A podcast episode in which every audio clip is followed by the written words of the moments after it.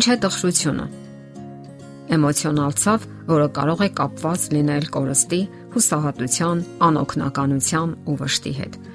Տխրություն զգացած անհատը հաճախ դառնում է բավականին թմրած եւ հեռանում է ուրիշներից։ Խիստ տխրության օրինակ է դեպրեսիան, որը հոգեկան խանգարում է եւ ուղեկցվում է տրամադրության նվազմամբ եւ ուրախություն զգալու կորստով, մտածողության խախտումներով, ասենք բացասական դատողություն, հորետես, հայացք եւ այլն։ Լացը հաճախ վկայում է մարդու տխուր լինելու մասին տխրությունը կարելի է դիտարկել նաև որպես տրամադրության ժամանակավոր անկում։ Տխրության հականիշը ուրախությունն է։ Կարդում ենք Վիկի բառարանում։ Միանգամայն բնական է, որ մարդիկ տխրում են։ Հազարավոր մանր ու մեծ պատճառներ կան տխրելու համար, սակայն դա չի կարող մեր բնավորությունը երանգավորող հիմնական գիծ լինել։ Ուրախությունն ու հոգու պայծառությունը շատ ավելի բնորոշ են մարդուն եւ հարկավոր է ձգտել դրական, բարյացակամ ու լավատեսական տրամադրության։ Հարցն այն է, որ մեր օրերում իսկապես դժվար է գտնել հոգեբանորեն առողջ անznավորություն։ Շատ պատանիներ ու երիտասարդներ մեծանում են անլիարժեք ընտանիքներում։ Ընտանիքներ, որտեղ կողմերը միմյանց չեն հասկանում։ Ծնողներից մեկը բացակա է կամ ամուսնալուծված, որտեղ թեթևորեն ալկոհոլ են օգտագործում կամ այլ թմրանյութեր, որտեղ ընտանեկան բռնությունը սովորական երևույթ է։ Շատ դեպքերում էլ մարդկանց տրամադրության վրա յենթագիտակցական մակարդակում ազդում են թեթևամիտ եւ կեղծ ռոմանտիկայով ապարուրված այսպես կոչված արվեստի նմուշները, որոնք միայն տխրություն ու թախից են քարոզում, անհույս սեր, կորսված հարաբերություններ, կեղծ քնարերգություն, տիեզերական թախից եւ այլն։ Եվ ահա այսպիսի հոգեվոր ու մտավոր սննդով հագեցած երիտասարդները կարող են իսկապես քրոնիկական տխրություն զգալ։ Շատերը չեն ընդունում նաև այն փաստը, որ թերի քայքայված ընտանիքներից են դուրս գալիս անլիարժեք երիտասարդները։ Այդպիսիք որոնում են մեկին, ով կկարողանա ապակինել իրենց կամ բժշկել։ Եթե դուք ճանաչում եք կամ շփվում եք այդպիսի մեկի հետ, ապա հարցրեք ձեզ, իսկ դուք կարող եք լինել այդ անznավորությունը կամ այսպես ասած փրկարարը։ Ահա թե ինչու հարկավոր է ուրشادիր զննել ընկերոջը, թափանցել նրա ներաշխարը, նախքան ձեզ վրա կվերցնեք նման մարդկանց փրկարարը լինելու առաքինությունը։ Պետք չէ տրվել անցողիկ զգացմունքներին, որովհետև շատերը կարողանում են հմտորեն թաքցնել իրենց ներաշխարը եւ իսկական դեմքը, որը բացահայտում են ամուսնությունից հետո միայն։ Այդ գրավիչ դիմակը արագ է ընկնում եւ ցուցադրում իրականությունը։ Դուք տեսնում եք մի մարդու, որը ոչ մի կերպ չի կարողանում ուրախանալ եւ մշտապես վհատ ու վատատես տրամադրության մեջ է։ Գուցե տարօրինակ թվա, Սակայն իսկական սիրո զգացմունքները սկսվում են ձեզ սիրելուց։ Կարիք չկա հերոս ձևանալու։ Վստահ եղեք, որ դուք արժանի եք սիրո։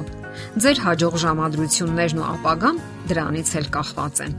Ձեր ռոմանտիկ հանդիպումները եւս միայն այդպես կարող եք սիրել եւ արժանանալ սիրո։ Դուք միշտ կմտածեք, որ գեղեցիկ չեք եւ արժանի չեք հարգանքի ու սիրո եւ անգիտակցաբար կքայքայեք հարաբերությունները Եթե նույնիսկ ձեր բոլոր անելիքները համատեղում եք երեխայի հետ, ապա դարձյալ հարկավոր է մտածել սեփական հանգստության ու խաղաղության մասին, այլապես երբեք չեք կարող դառնալ լավ մայր կամ լավ մասնագետ։ Կարևոր է որոշել, թե ինչ նպատակներ ունեք եւ ինչպես եք ցանկանում կյանքի կոչել դրանք։ Ուշադրություն դարձրեք, որ մեր որոշումներն իրականացնելուն հաճախ խանգարում են մեր հույզերը։ Տխուր հույզերը առավել եւս դրանք ուղակի ղեկավարում են մեզ։ Այդպիսի բացասական մտքերն ու ապրումները անընդհատ պատտվում են մեր ուղեղում, թույլ տալով նրանց ղեկավարել մեզ։ Ընդ որում, յենթագիտակցաբար մենք ավելի ենք ամրապնդում մեր համոզմունքները, որոնց պատճառով էլ առաջանում են բացասական հույզերը։ Ինչպես վարվել Ելքն այն է, որ մենք պետք է ընդունենք այդ բացասական մտքերի գոյությունը, սակայն չպետք է թույլ տանք, որ դրանք ղեկավարեն մեզ։ Պետք է գործենք ճիշտ հակառակ ձևով։ Ընթունենք որոշումներ, որոնք իրենց հետևից պետք է տանեն հույզերին։ Այս ձևով մենք ոչնչացնում ենք մեր յենթագիտակցության մեջ նստած բացասական հույզերն ու համոզմունքները։ Ահա այսպես հնարավոր է ազատագրվել անարդյունավետ եւ անիմաստ մտքերից ու մտածողությունից, մտածողության սխալ կարծրատիպերից ու վարքագծից, որոնք խանգարում են մեզ ապրել։ Հարկավոր է կարևորել սեփական անձը։ Կարևորել սեփական անձը չի նշանակում եսասիրություն դրսևորել։ Իհարկե, Կան խելամիտ սահմաններ, որոնք իմաստ չունի անցնել։ Սակայն երբ դուք հոգնած եք, ծանրաբեռնված եւ ուժասպառ եւ շարունակում եք քայքայել ու հյուծել ձեզ, ապա հնարավոր են խաթարումներ։ Եղեք խելամիտ եւ մտածեք նաեւ ձեր մասին։ Հակառակ դեպքում դուք կսպառեք ձեր կենսական ուժերը եւ մի օր պարզապես բեռ կդառնաք այդ նույն սիրելիների համար, հանուն որոնց որպես թե պայքարում եք սպառելով ձեզ։ Ընթունեք ձեզ այնպիսին, ինչպիսին կաք։ Մի չափազանցրեք եւ նաեւ մի թերագնահատեք։ Միշտ ցկտեք դրական փոփոխությունների, սակայն մի տանջեք ձեզ անիրական որոշումներով։ Բնական ընդունեք ոչ միայն ձեզ, այլև մարդկանց Եթե դուք քննադատում եք ձեզ, ապա վաղ թե ուշ քննադատելու եք նաև շրջապատի մարդկանց։ Փորձելու եք փոխել նրանց եւ բախվելու եք պատնեշների եւ իհարկե փչացնելու եք հարաբերությունները։ Որոշում կայացրեք անտեսել բացասական մտքերը եւ դրանք փոխարինել դրական մտքերով մոռանալ անցյալի բացասական փորձառությունները եւ պատրաստվել ապագայի առողջ ու ռոմանտիկ հարաբերություններին եւ վստահ եղեք, որ մի օր դրանք իրականություն կդառնան։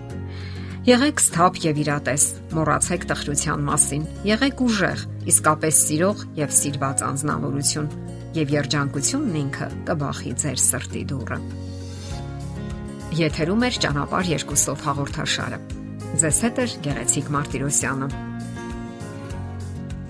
Հարցերի եւ առաջարկությունների համար զանգահարել 033 87 87 87 հեռախոսահամարով։